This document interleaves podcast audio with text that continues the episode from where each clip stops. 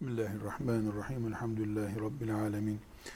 Ve sallallahu ve sellem ala seyyidina Muhammedin ve ala alihi ve sahbihi ecma'in. Namazın şartlarından konuşacağız. Bir ibadetin şartları vardır, rükünleri vardır. Biz halk seviyesinde hepsine farz diyoruz. Namazın farzları şu kadardır diyoruz. Orucun farzları şu kadardır diyoruz. Ama fıkıh bilgisine dönüştüğü zaman şartlar var, rükünler var. Şartlar ve rükünler ayrımı şuradan kaynaklanıyor.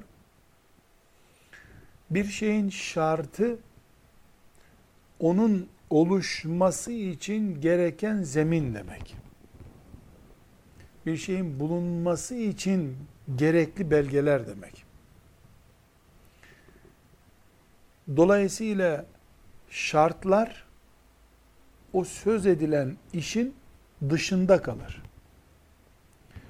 Rükünler ise onun içindedir. Namazın şartları demek, namazdan önce halledilmesi gereken şeyler demek. Namazın rükünleri ise namazı ayakta tutan iç organları gibi bir deyim demek. Rükün ve şart ikisinin ortak adı olan farz namaza uyarlandığında mesela namazın farzları dendiğinde biraz sonra bunları sayacağız. Başka türlü namazın kabul olmayacağı şeyler demektir. Mesela abdestin namazın şartlarından olması başka şey. Varsayım olarak söyleyelim. Namazın sünnetlerinden olması başka şeydir. Veya vaciplerinden olması başka şeydir. Abdest namazın ön şartıdır ya da ön şartlarındandır. Bu şu anlama geliyor başka türlü namaza başlamak bile mümkün değil. Şartları yerinde olmadığı için. Şöyle örnek verebiliriz. Bir belge, işte ehliyet alınacak mesela. E, talimatında istenen evrak deniyor. İşte fotoğraf, şu, şu, şu sayıyor. Bunları yap, getir diyor. Onlardan bir tanesi eksik olduğunda müracaat bile etmiş olmuyorsunuz. O istediğiniz belgeyi almak için. Diyor ki şu kadar fotoğraf getir. O fotoğrafı karşınızdaki görevli görmeyince dosyanızda bu eksik diyor. Sonra getiririm. E, sonra olmaz. Namazında veya orucun, haccın, hangi ibadet olursa olsun şartları bu anlama gelir. Eğer şartlar yoksa yani oluşmamışsa o ibadet de ortaya çıkmayacak demektir. İşte abdesti namazın şartı olarak örnek verdik. Eğer namazın şartlarından biri olan abdest yoksa seccadeyi sermenin, kıbleye yönelmenin ve çok iyi Kur'an okuyarak, kıraat yaparak, Fatiha okuyarak, tesbih rükû yaparak eğilip kalkmanın adı namaz olmaz. Zira namazın ön şartlarından bir tanesi eksik. Ne yapılacak? O şart tamamlanacak. Bu e, şart konusu sadece namaz için değildir. Orucun da şartı var. Yani her ibadetin kendine göre şartları var. Şu farkı tabi tespit edelim biz. Namazın şartları namaz için geçerli olan şartlardır. Mesela abdest namazın şartıdır. Orucun şartı değildir. Kıbleye dönmek namazın şartıdır. E, haccın şartı değildir. Haccın kendine göre şartları var. Orucun kendine göre şartları var. Namazın da namaza dair şartları var. Biz toplam olarak bu şartlarıyla rükünlerini yani dışında kalan hazırlık merhalesiyle ilgili bölümüyle içinde kalan e, bölümünü toplam olarak namazın farzları diye ezber biliriz. Bir sakıncası yok. Namazın farzları farzları doğru. Ama bir izah olması bakımından bunların bir bölümünün şart, bir bölümünün de rükün olarak anıldığını bilmemizde yarar var. Namazın şartları yani dışında oluşan farzları, dışarıdan hazırlık farzlarının birincisi temizliktir. Bu temizlik hepimizin bildiği gibi abdest ve gusül ihtiyacının giderilmesidir. Pislik ten kastımız yani necasetten kastımız namaza mani olan insan ve hayvan dışkısı ve e, mekanında zikretmiştik taharet konusunda. Bir de alkol gibi e, domuz derisi gibi, köpek derisi gibi pis olan şeylerin e, namaz mahallinden ve bedenden arındırılması demektir. Aksi takdirde bu ön şart olan temizlik şartı ki temizlik bir maddi pisliklerden arınmak, ikincisi de manevi kirlilik olan abdestsizlik ve gusülsüzlükten yani cünüplük halinden temizlenmektir. Üç şeye yansıyor bu. Beden, elbise ve namaz mekanı, namaz yeri. Bu üç şeyde temizlik istiyoruz. Bedenin temizliği, elbisenin temizliği, mekanın temizliği necasetten arınmış olarak. Mekan yani namazda ayaklarımızı koyduğumuz, dizlerimizi koyduğumuz, elimizi ve alnımızı koyduğumuz yerin temiz olması esastır. Pislik ne ediyor şeriatımız? İnsan ve hayvan dışkısına ve benzeri işte mesela domuzun terine, salyasına, köpeğin salyasına, kana, kan da mesela bir pislik. Bunlardan temizlenmiş bir mekan. Mekan temizliğiyle, namazdaki mekan temizliğiyle kasıt, alnın değdiği, elin değdiği, dizlerin, ayakların değdiği yerin bu sözünü ettiğimiz pisliklerden temiz olmasıdır. Toz bir pislik değildir. Toprak bir pislik değildir. E, çamur pislik değildir. Necaset olan şeyler pisliktir. Dolayısıyla bir tarlada namaz kılmak e, için tarlayı elektrik süpürgesiyle süpürmek, çamaşır suyuyla yıkamak gerekmiyor. Çamur pis değildir. Ama tarlada hayvan pisliklerinin bulunduğu, koyun pisliklerinin bulunduğu ve alnımıza onların değeceği yerde dizlerimizi koyduğumuz zaman o pisliklere değecek bir pozisyonda namaz kılmak caiz değildir. Mesela hava alanında e, bir mermerin üzerinde namaz kılınır mı? Soru. Cevap. Havaalanında insanların ayak izlerinin bulunduğu bir mermerin üstünde namaz kılınmayabilir.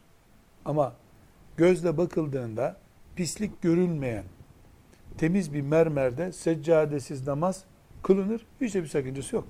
sırf seccade yok diye ya da halı yok diye e, namazı kaçırmaktansa insanların ayak basmadığı ya da basılmış olsa bile temizlenmiş bir yerde hemen kıbleye dönüp Allahu Ekber deyip havaalanındayken de büyük ihtimalle zaten seferi namazı kılınacaktır.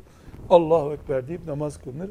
Kaldırımda namaz kılınır mı? Kaldırımda da aynı şartlar geçerli. Eğer kaldırım temiz bir kaldırımsa yani temizlenmiş böyle e, gözle baktığında bir pislik görülmüyor.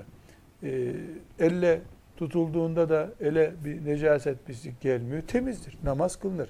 Mekan temizliğiyle kasıt budur. Toz, toprak bunlar pis şeyler değildir. Mide bulandırıcı şeylerdir. Yani çaresizken Müslüman kılabilir. En kirli yere, en pis yere temiz bir seccade veya bir tahta parçası koyduğumuz zaman bizim alnımız o tahta parçasına değiyor. Dizlerimiz o tahta parçasının altında pislik olması da namazın şartı bakımından sakıncalı değildir. Yani tekrar özetleyecek olursak bizim için önemli olan ayaklarımızın, dizlerimizin, elimizin, alnımızın değeceği yerin temiz olmasıdır. Kenarında pislik olabilir. yani o 50 santim ötesinde necaset bir şey bulunabilir. Bu bizim namazımıza mani değil. Elbisede de aynı şey geçerli. Elbisede de temizlik gerekiyor dedik. Müslümanın üzerindeki elbise taharet bölümünde görmüştük. E, elbisedeki pislik sıvı bir pislikse insanın avucunun içi kadar olan alan o e, pislikle pislenmişse sıvı pislikle o elbiseyle namaz caiz değil. Gramaj olarak kaba e, pisliklerin gramaj olarak da 3 gram kadar olanı namaza mani değil. 3 gramdan sonrası namaza manidir demiştik. Bedende de aynı şey geçerli. Çünkü temizliği üç şeyde istiyoruz dedik. Beden, elbise ve namaz kılınacak yer, mekan temizliği. E, bedende de aynı elbisedeki gibi bir temizlik geçerli. Burada e, hanımların aksine bir görüş beyan etmemiz gerekiyor. Şimdi hanımlar Allah'tan laboratuvar cihazları bulunduramıyorlar evlerinde.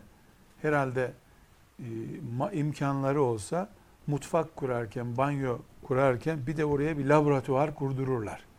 Mesela çamaşır makinesinden çıkan çamaşırda kir kalmış mıdır diye en iyisi mikroskopla filan incelenir herhalde. Laboratuvara her her gömleği laboratuvara sokup hijyenik oranını ölçseler anca rahat ederler herhalde. Bir davası uğraşacak, cihad edecek bir gayreti, himmeti olmayan, günlük virdi, zikri bir e, himmeti olmayan kadınların dertleri bu şüphesiz. Şeriatımızda temizlik imanın çok büyük bir bölümünü oluşturduğu halde bu hassasiyet böyle değildir. Bedende mesela tuvalete giren bir insanın tuvaletteki kirliliği, çocuk büyüten bir annenin bedenindeki e, kirliliği e, gözle görülmediği zaman mikroskopla ölçülüp e, laboratuvarda tahlil edilip sonucuna göre hüküm verilmesi gereken bir temizlik talebi değildir dinimizin talebi. Tuvalete girdiğinde bir insan alenen üzerine sıçrama olursa bu sıçrama da işte avuç içi kadar bir alanı dolduracaksa namaza mani bir necaset var vücutta demektir. Bunun dışında tuvalette idrar sıcak olduğu için, vücuttan sıcak çıktığı için belli bir buhar yapar.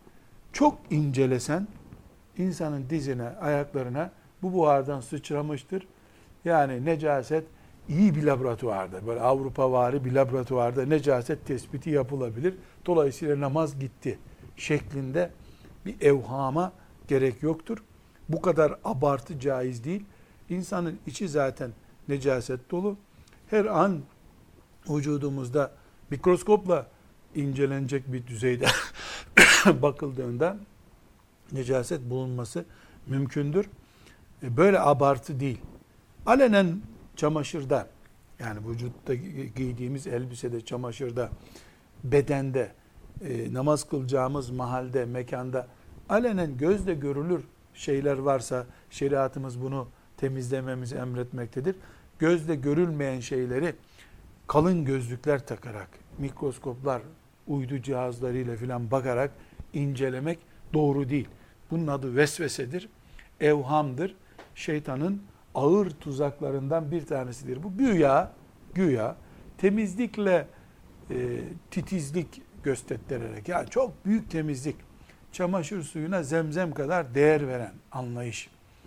E, güya temizlik imandandır diye, titizlikten kaynaklanıyor diye derken o arada sinir sistemini bozuyor. Evhamlı hale getiriyor en azından.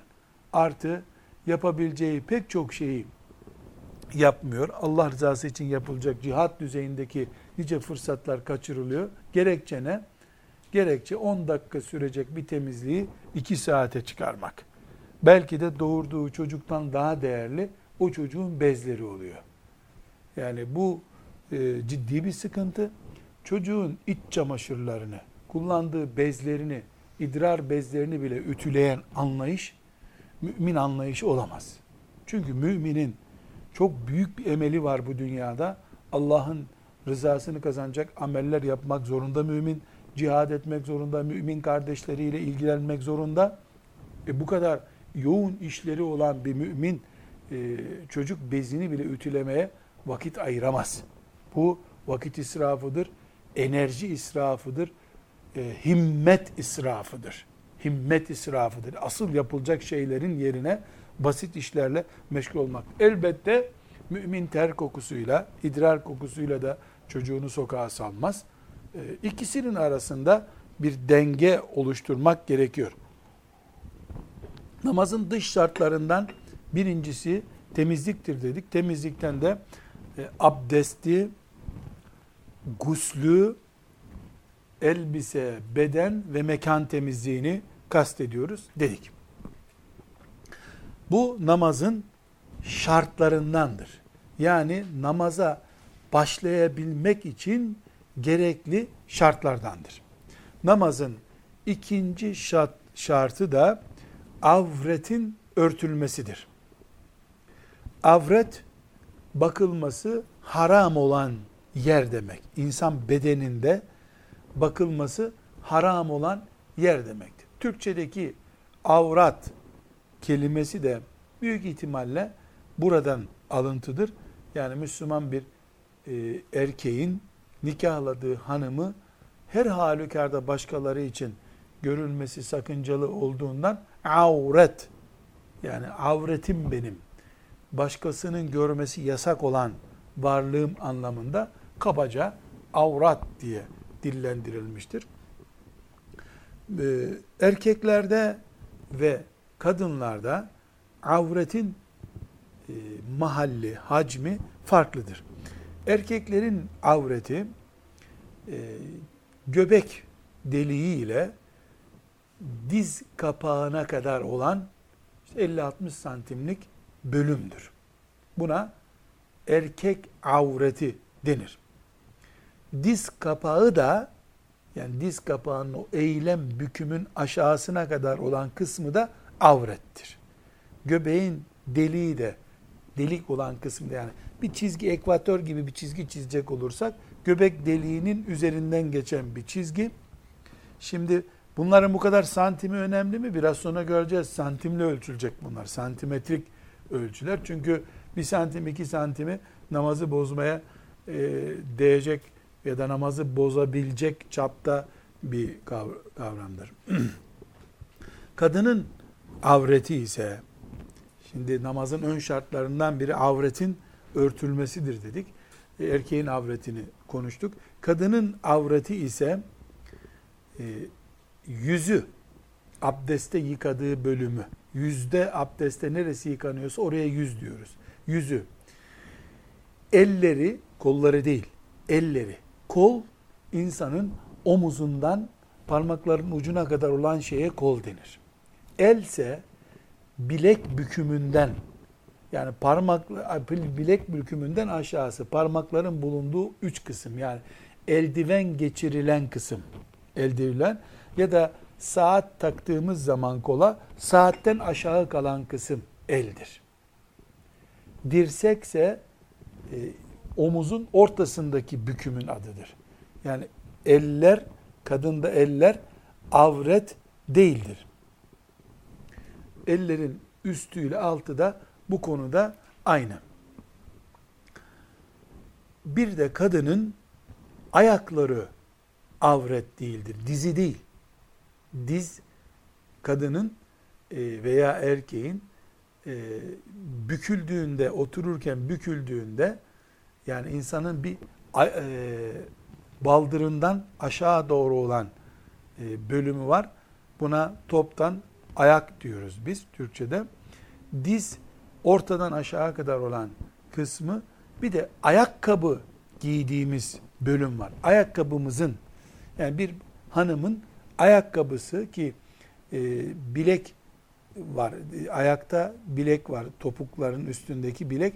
Ondan aşağı olan normal bir yazlık ayakkabının giyildiği bot değil. Yazlık ayakkabının giyildiği bölüm ayaktır. Bu üç yer avret değildir. Kadında avret değildir. Bu avret değildir sözünden ne e, çıkarıyoruz? Ne çıkarıyoruz? Şunu çıkarıyoruz. Yani hanım namaz kılarken bu üç yeri örtmesi şart değildir. Yüz, abdeste yıkanan kısmı kadarıyla, boyun yüz değildir mesela. Boğaz yüz değildir. Abdeste yıkadığımız çene altına kadar olan erkeklerin e, sakallarının bittiği yere kadar olan kısım e, bir, iki, eller saat taktığımız zaman saatten aşağı kalan kısım özellikle ve ayaklar yani ayakkabı giydiğimiz kadar olan bölüm bunlar avret değildir. Bu avret değildir sözünden hüküm olarak ne çıkarıyoruz? Bir bayan çorapsız namaza durabilir mi? Hay hay durabilir. Namazda eldiven giymesi gerekir mi? Gerekmez. Namazda başörtüsünü burnuna kadar kapatması gerekir mi? Hayır çenesine kadar yani çenesinin altına kadar kapattığı zaman e, avretini örtmüş demektir. Burada e, kadınla erkek arasında tabi fark olduğunu bilerek bir hususta söz. Mesela erkek e, diz kapaklarına kadar kısa olan bir pantolonla yani diz kapağını örtüyor o kadar aşağıdan e, bacakları açık bir erkek namaza durabilir mi? Durabilir. Bir erkek tişörtle yani e, omuzları açık olan bir atletle namaza durabilir mi? Durabilir. Bir erkek e, diz kapağından göbeğine kadar olan kısmı örten geniş bir şortla diyelim e, veya don denir Anadolu deyimiyle donla namaza durabilir mi? Durabilir. Namazı olur mu? Olur. Peki e, hiç böyle omuzu açık, ayağı açık, Allah'ın huzuruna çıkılır mı? Ayrı bir mesele. Ayrı bir mesele. O edep konusu başka, ana şartları oluşur da o şartlarla o ibadet için kıbleye dönülür mü? O ayrı bir mesele. İkisi arasında çok fark var. Bu farkı neden dillendiriyoruz? Şundan dolayı yani e, kirli, necis bir pantolonla mı namaza dursun?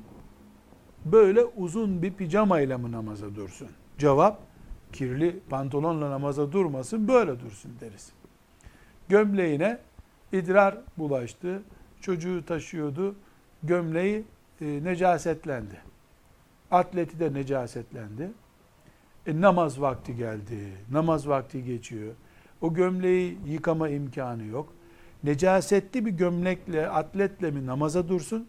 Gömleğini, atletini çıkarıp e, pantolonuyla Allahu Ekber deyip namaza mı dursun? Elbette öyle namaza dursun. Pantolonuyla namaza dursun. Neden? Necaset namaza engel. E, böyle bir durumda atletsiz de olsa namaza durur erkek. Kadın için böyle değil. Kadında setr avret e, çok önemli. Erkekten daha önemli, daha yaygın bölümlerini e, ihtiva ediyor bedenin. Burada avret kelimesi yani örtülmesi gereken, bakılması caiz olmayan e, yer, mahal vücutta kelimesi gündeme geldiğinde şeriat açısından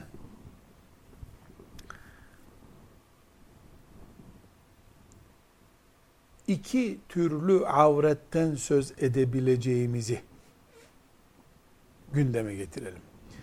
Birincisi galiz avret vardır. Galiz avret vardır. Bir de hafif avret vardır. Galiz avret ağır avret demek. Hafif avret de normal avret mahallinde olup yani erkek veya kadın için avret mahallinden olup daha hafif hükmü olan demek. Galiz, ağır avret erkeklik kadınlık organıyla kalçalardır. Hem erkeğin hem kadının cinsel organı ve kalçalar ağır avrettir. Bunun dışında kalan avretse hafif avrettir. Ama avrettir gene. Gene avrettir. Peki bu inceliği niye getirdik? Şundan dolayı. Namazda açılacak olsa bu avretler, namaz kılarken mesela açılacak olsa, hüküm ne olur? Kadının kolunun açılmasıyla e, avreti galizesinin, galiz avretinin açılması arasında fark var mı? Var tabi. Neden? Şöyle bir fark var. Büyük avret, ağır avretten necasetteki ölçü gibi avuç içi kadar bir kısım açılmış olsa namaza engel kabul ederiz bunu. Hafif avrette ise açılan organın dörtte biri kadarı açılmadıkça namaza engel olmaz. Bunu yer ismi vererek de e, tarif edebiliriz. Yani büyük avretten ne oldu? E, kemeri gevşedi, lastiği gevşedi, secdeye giderken açıldı. Ne kadar açıldı büyük avretten? İşte avuç içi kadar bir yer, necasetteki ölçü kadar açıldı. Namaz bozulur. Büyük avretten. Büyük avret neye diyorduk? Kalçalar, erkek ve kadınlığın cinsel organları. Bunlar tabii çok küçük bir mahal. Yani bu bahsettiğimiz her iki e, organ da çok küçük bir mahal olduğu için e, bunun avuç içi kadar olan bölümü neredeyse tamamına yakını oluyor zaten. Ama bunun dışında mesela kol büyük bir organ. Bacak büyük bir organ. Diz baya büyük organ. Ee, şu şekilde mesela çocuk e, takıldı ya da secdeden kalkarken eteği takıldı. Eteği takılınca e, eteği bir miktar çekildi ve dizi açıldı. Namaz kıldığı yerde rüzgar vardı. Rüzgar başından örtüyü attı. Başta bir avret çünkü kadın açısından. Başta bir avret. Burada ne kadar açıldı önemli. Mesela baş bir bütün. Bu bütünün dörtte biri kadarını açıldıysa açıldı diyoruz. Bu açılma da namazı bozması için bir rüknün dörtte biri kadarını veya en azından yarısını kapatıyor olması lazım. Mesela bir rükün ne kadardır? e, tekbir getirip e, Fatiha okuyup, zamm-ı okuyup eğilmeye kadar olan bölüm bir rükündür. Bu rükünde e, mesela rüzgar başının e, işte çeyreğini açtı diyelim. O da hemen toparladı. Namaza bir zarar yok. açık kaldı, Fatiha'yı okudu, Zamm-ı Sure'ye geçti, hala başı açık, o zaman namazda setri avret engeli çıktı demektir. Setri avret olmadı demektir. Her halükarda günlük hayatta da avret iki türlüdür. Bu galiz avret ve hafif avret. Hafif avret demek açılabilir avret demek değil. Yine erkeğin avreti aynıdır. Kadının avreti aynıdır. Ancak ikisi arasında e, hem günah bakımından büyük fark var. Yani galiz avretin teşhir edilmesiyle hafif avretin teşhir edilmesi arasında bıçakla kesip öldürmekle bir kurşunla vurup öldürmek arasında fark varsa o kadar fark var işte diyelim. E, bu kadın için biraz daha hassas bir konu, erkek için de lakin lazım bir konu. Burada bir meselemiz daha var. Setri avret örtmek ise bilhassa kadının ama o erkek için de geçerli. Elbisenin lastik gibi vücuda yapışması halinde setri avret gerçekleşmiş olur mu? Ki bu asrın ağır sorunlarından birisidir bu. Şöyle diyelim, ismini ben tekrar edemeyeceğim. Hanımların böyle e, giydiği aşağıdan çoraptan kilotlu çorap mı deniyor veya butin mi lutin mi böyle bir ismi var. Elhamdülillah muhitimizde bulunan şeyler değil. Allah'a hamdolsun. Ee, yani pijama ama e, karınca dolaşamaz deriyle kumaş arasında. Yüzde yüz yapışmış durumda deriye. Bununla namaz kılabilir mi kadın? Cevap.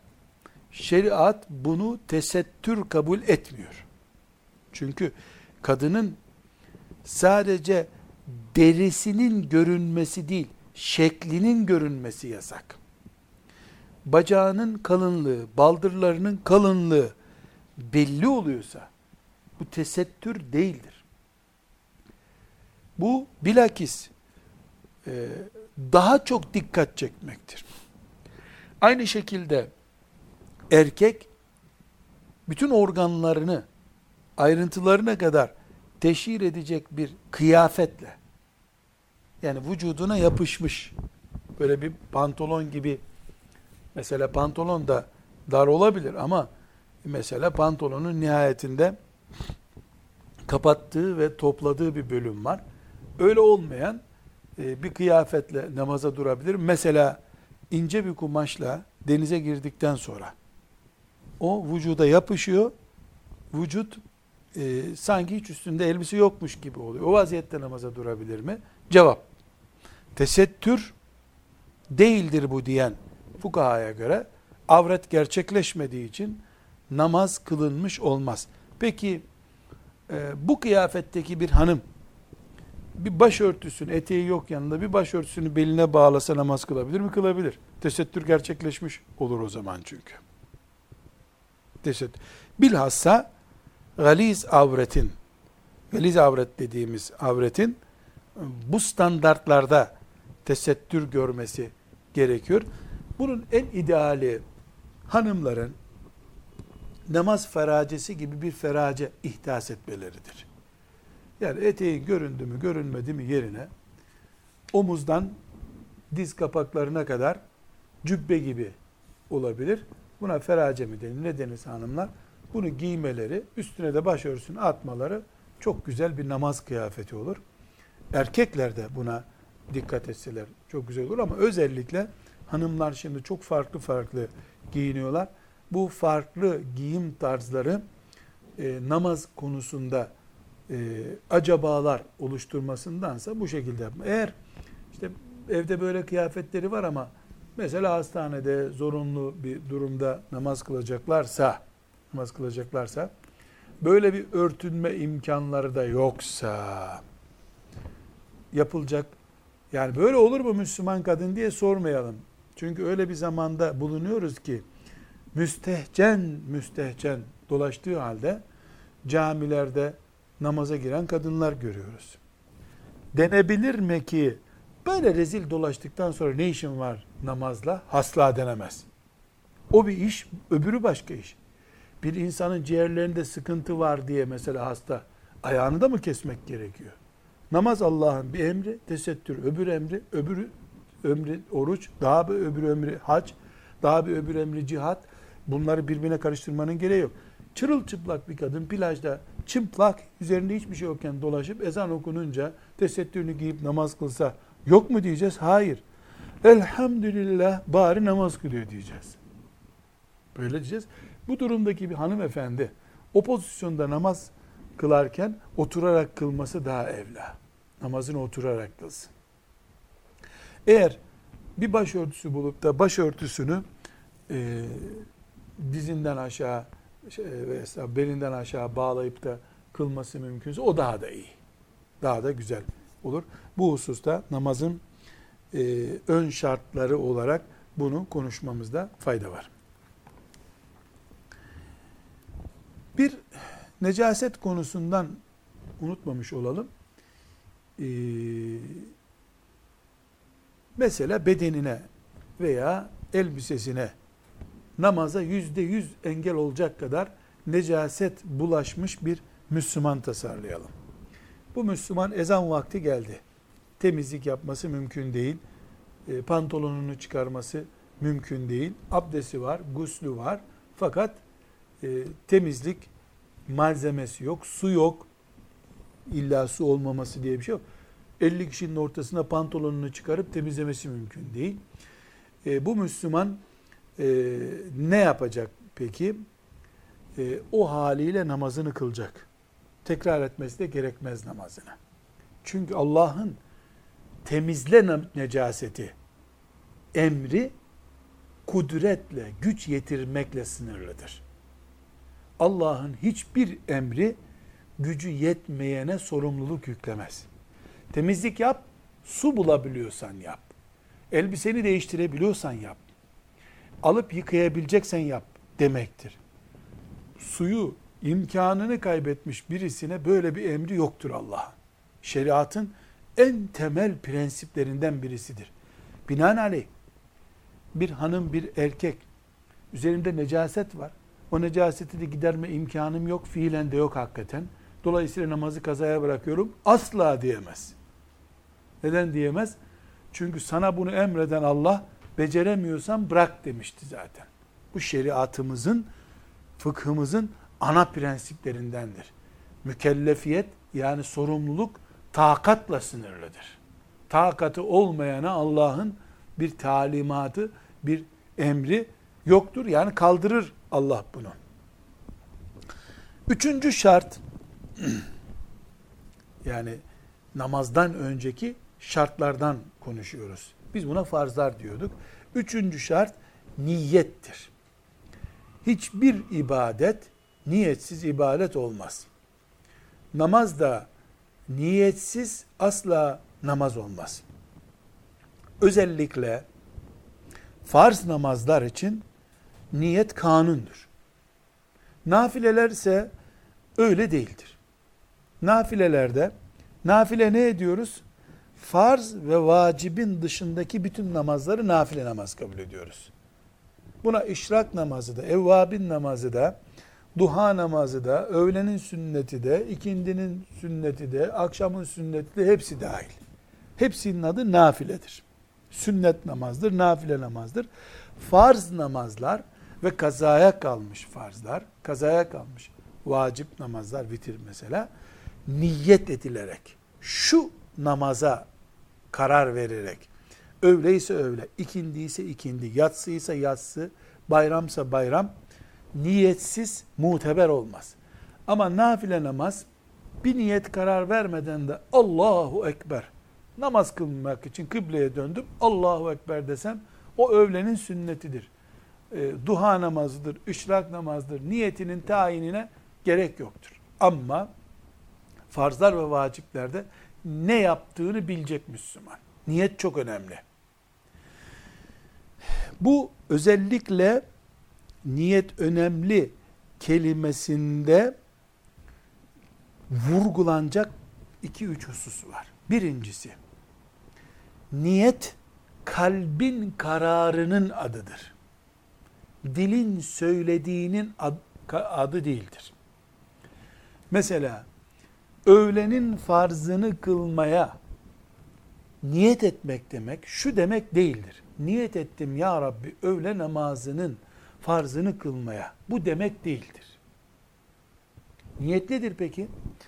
Kıbleye dönüp seccadenin başına geçtiğinde ne yapmaya düşünüyorsun sen? Öğlenin farzını kılmayı düşünüyorum diye verdiğimiz karardır niyet. Biz çocukluktan itibaren namaz eğitimi görürken niyeti sözel olarak bize eğitim olarak gösterirler. Biz de öyle yaparız, yapmamız da gerekiyor. Ne yaptığımızı göstermek için namaz öğretenler, niyet ettim Allah rızası için öğle namazının farzını kılmaya, niyet ettim Allah rızası için sabah namazının kazasını kılmaya diye sözle söyletirler. Biz de niyeti sözle söylemek olarak algılıyoruz. Fıkıhta böyle bir kural yok. Niyet kalbin kararıdır. Bunu şu şekilde anlatalım. Mesela Müslüman ezan okundu, dükkanını kapattı ya da evde hanım abdestini aldı, övlen ezanı okunuyor. Geçti seccadenin başına. Niyet ediyor. Diyor ki ya Rabbi niyet ettim senin rıza şerifin için bayram namazı kılmaya. Bayrama 6 ay var. Bu bayram kelimesinin adı ne? Dil sürçmesi. Dili sürçüyor. Öğle namazı diyecek bayram namazı diyor. Ya da öğle namazına niyet ediyor. Ya Rabbi niyet ettim yatsı namazına. Niyet ettim vitir namazına. O saatte yatsı kılınmaz bunu kendi de biliyor. Zaten öyle bir derdi de yok. Dili sürçüyor.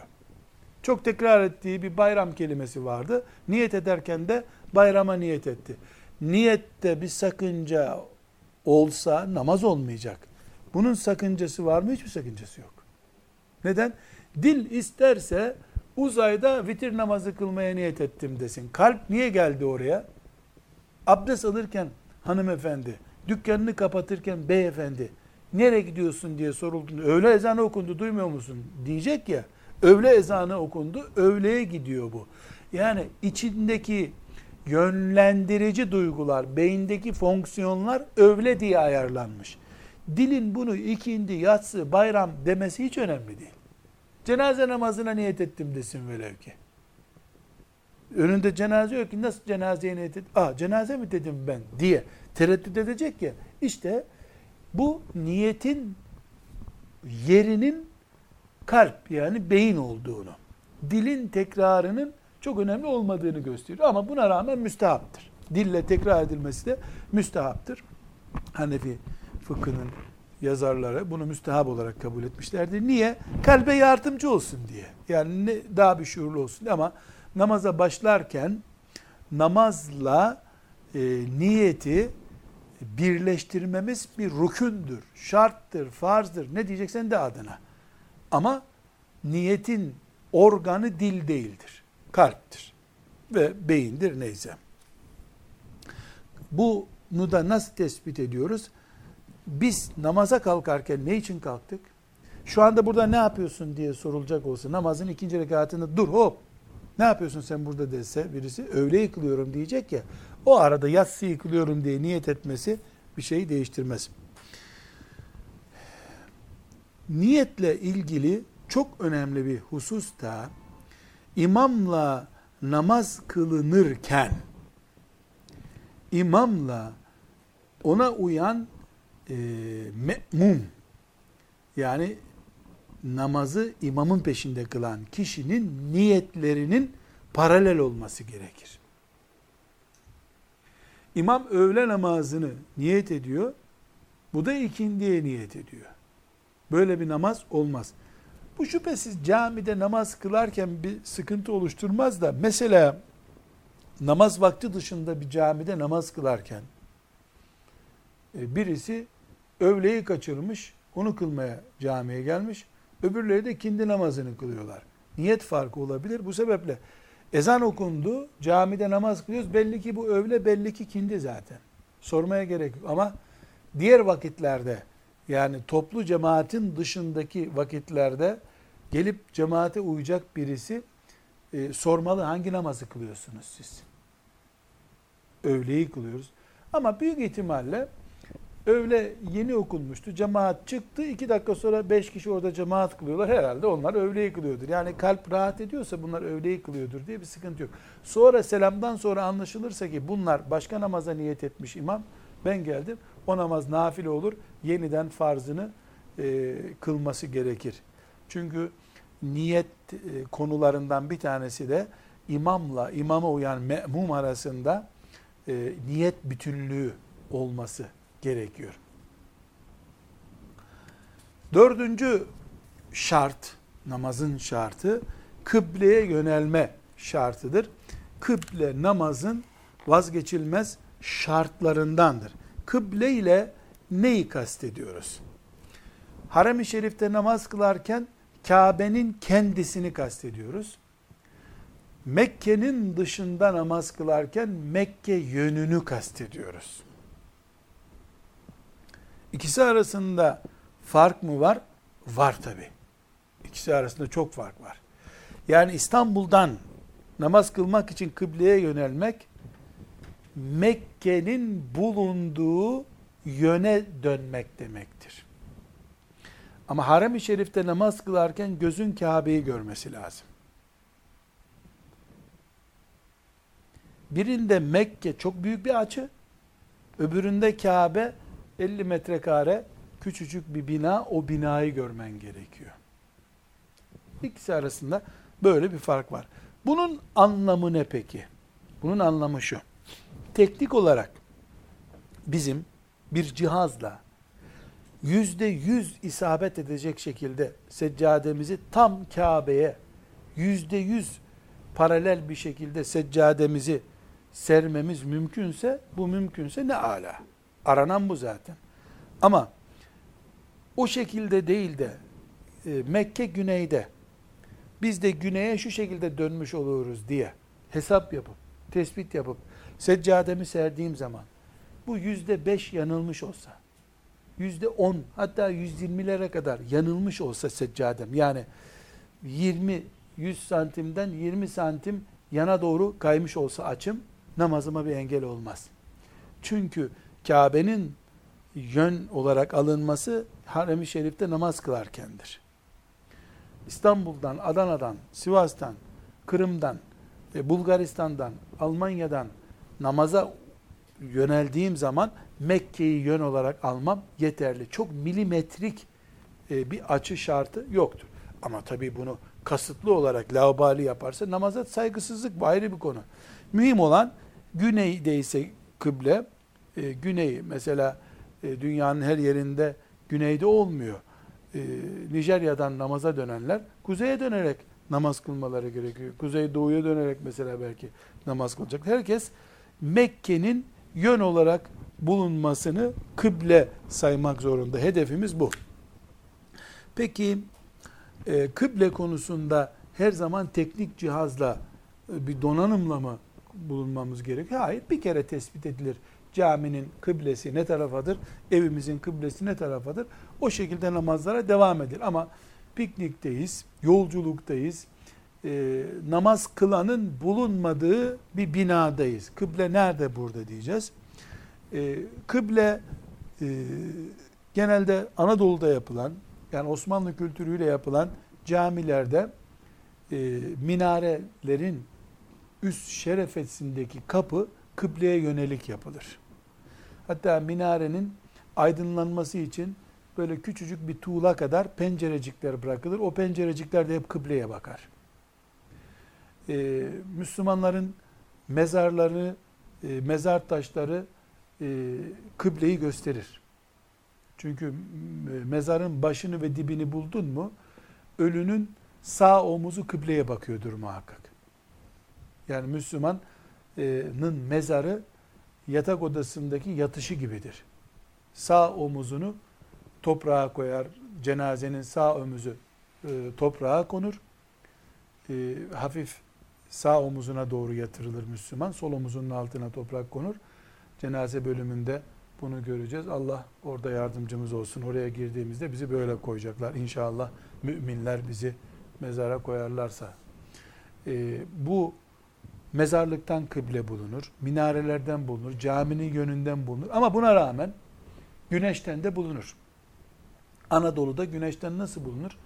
Güneşin doğduğu yeri ve kaydığı batıyı tespit edebiliyorsak her insan herhalde doğu neresidir, batı neresidir bunu tespit eder.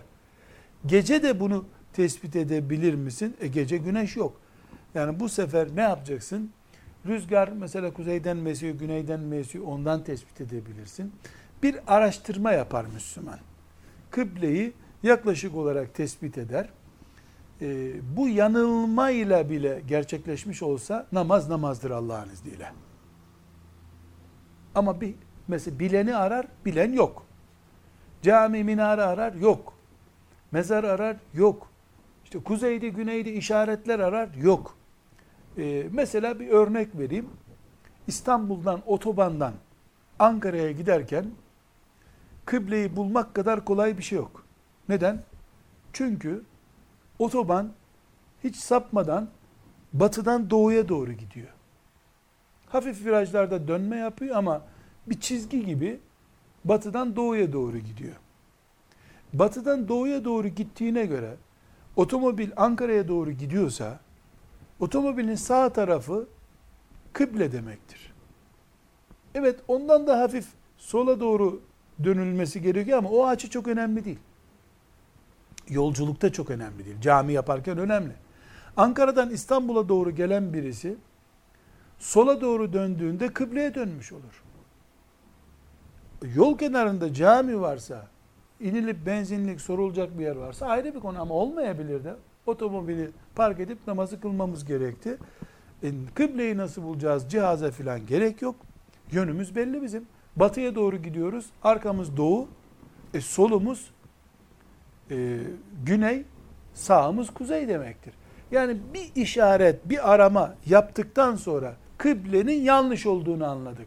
Üç gündür de böyle namaz kılıyoruz çadır kurduğumuz yerde. Bir sakıncası var mı? Hiçbir sakıncası yok. Çünkü üzerine düşen gayreti gösterenden hesap sormuyor Allah. Kimden hesap soruyor? Laubali bir şekilde ya bu kıl gitsin işte. Kıl gitsin işte olursa doğru bile kılsan o namaz olmaz o zaman. İsabet ettirmiş olsan bile mümin derdi olan insandır. Namazı dert eder. Bu derdinden dolayı da yaptığı gayreti Allah mübarek görür. Eksik bile kılsa, yanlış bile olsa onu Allah gafur ve rahim olduğu için kabul buyurur. Namazın önemli şartlarından biri olarak kıbleyi konuşuyoruz. Burada tabi e, bilhassa kendi mülkünde oturan, kiracı değil ev sahibi olan Müslümanlar, konumuzla çok alakalı olduğundan değil ama Müslümanca yaşamanın gereklerinden biri olarak söylüyoruz. Bir kıblegah gibi bir şey yapmalıdırlar evlerinde. Nasıl olmalıdır bu? Yani evin en geniş odası, namaz kılmaya en müsait odasında karton piyer veyahut da boyayla bir şeyle şöyle bir kıblenin yönünü gösteren bir sembol yapmalıdırlar. Bu bizim evimizin namazlı bir ev olduğunu gösterir. Allah'ın izniyle de biz çıksak bile oradan bizden sonra gelenlere kıbleyi göstermiş oluruz. Bu duvara bir motifle de yapılabilir, karton piyerle de yapılabilir. E, oraya seccade serince bizim evimizin kıblesi olabilir orası. Bu bizim namaza himmetimizi, namaz heyecan ve aşkımızı gösterir. Namazın e, şartlarından, dış farzlarından beşincisi vakittir. Vakitsiz namaz kılınamaz. Hangi vakitsiz kılınamaz? Biz namaz vakitleri diye de bir ders yapmıştık. Orada tekrar bu konuyu konuşmuştuk. Namazın dış şartlarından biri. Farz namaz vakti gelmeden kılınamaz. Bayram namazı da böyle, cuma namazı da böyle, beş vakitteki farzlar da böyle, vitir de böyle. Vakti illa gelecek. E, vakti gelmeden kılınırsa ne olur? Saniyelik bir farktan sorun yok. Ama 10 dakikalık bir fark namazın kılınmamış olduğunu gösterir. O namaz inşallah nafiledir deriz. Yeniden namazımızı iade eder, kılarız. Ee, nasıl örneklendireceğiz bunu? Yani saat 17'de ikindi oluyor. Biz de 17'ye 10 kala diye hesaplamıştık. Ve kıldık. Ya da mesela e, Bolu'da oturan birisi 17'de namaz oluyor diye biliyordu. İstanbul'a geldi. İstanbul'la Bolu arasında 12 dakikalık yol farkı var. 12 dakika İstanbul'da 12 gece 17 12 gecedir namaz. O dalgınlıkla biz Bolu'da 17'de 5'te kılıyorduk namazı deyip Allahu Ekber dedi kıldı. Namazı bitirdi. Misafirlikte çay içiyorlardı. Bir de baktılar ki ezanlar okunuyor. O biz 12 dakika önce kıldık. Ne olacak? Namazı yeniden kılacak. Çünkü çok uzun bir mesafe bu. Fakat yani böyle saatin milimetrik, kronometrik ölçümünü yapma düzeyinde de bir duruma gerek yok. Namazın vaktinde kılınması demek başı ve dibi açısından namazın kılınma saatlerinde kılınması demek. 17'de ikindi oluyor da 19'da e, da akşam oluyorsa ikindi 17 ile 19 arasında kılınmalıdır. 17'ye 5 galada kindi olmaz. 19'u 5 geçede bir daha ikindi olmaz. Bu namazın şartlarındandır. Namazın altıncı şartı yani altıncı şartı derken namazın içine girebilmek için olan altıncı kural iftitah tekbiridir. Yani Allahu Ekber diyerek namaza başlamaktır. Namaza başka türlü başlamak mümkün değildir. İlla Allahu Ekber denmesi gerekiyor. Allahu Ekber dedikten sonra da namazın içine girmiş oluyoruz. Bu namazın içine girişimizle beraber namazın rükünleri yani farzlar dediğimiz bölümü başlayacak. İftidat tekbirine kadar olan kısım namazın ön şartları, namaza girebilmek için gerekli şartlar. Ondan sonraki bölümde namazın farzları yani iç sistemi demek oluyor. Şimdi bunlardan bu altı şarttan bir tanesinin olmaması, eksik olması ne anlama geliyor? Bunu konuştuk. Bu altı şart e, özellikle tekrar edecek olursak dedik ki birincisi taharet. Namazın temizlikle başlaması. E, bu hem manevi pisliklerden yani abdestsizlikten, cünüplükten temizlenmek hem de bedenimizin, elbisemizin, namaz kılacağımız yerin temizliği anlamına geliyor avretin örtülmesi anlamına geliyor. Avret dedik ve avretin ayrıntılarına girdik. Namazda niyet dedik. Niyetin ayrıntılarına girdik. Ve kıbleye yönelmekten söz ettik. Kıblenin ayrıntılarına girdik. Bunlar hep namazın ön şartları. Bunlar olmadan namaza başlamak mümkün değil dedik. Ve namazla vakit bağlantısına temas ettik. Ve son şart olarak, altıncı şart olarak da namazın iftitah tekbiri yani açılış tekbiri diye bir tekbiri var. Allahu Ekber diyerek namaza başlanıyor dedik. Bu da namazın şartlarındandır. Mesela ince bir fıkıh bilgisi olarak e, bunu bir kenara not edebiliriz. Namazda pek çok kere Allahu Ekber deniyor. Rukuya giderken, e, secdeye giderken, secdeden kalkarken imamda, cemaatte Allahu Ekber diyorlar. Ama bunların hiçbiri namazın şartlarından değil. Sadece e, abdesti alıp, seccadeyi serip, kıbleye dönüp namaza başlayacağımız zamanki Allahu Ekber iftitah tekbiri tehrime de deniyor fıkıhta buna. Tehrime. Bu namazın farzlarından ve bizim şart dediğimiz farzlarından birisidir. Başka türlü namaza başlanmış olması mümkün değildir. Bundan sonra namazın farzları bölümü geldi. O farzları yeniden e, bir ders olarak inşallah okuyacağız. Ve sallallahu ve selleme ala seyyidina Muhammedin ve ala alihi ve sahbihi ecma'in. Velhamdülillahi Rabbil alemin.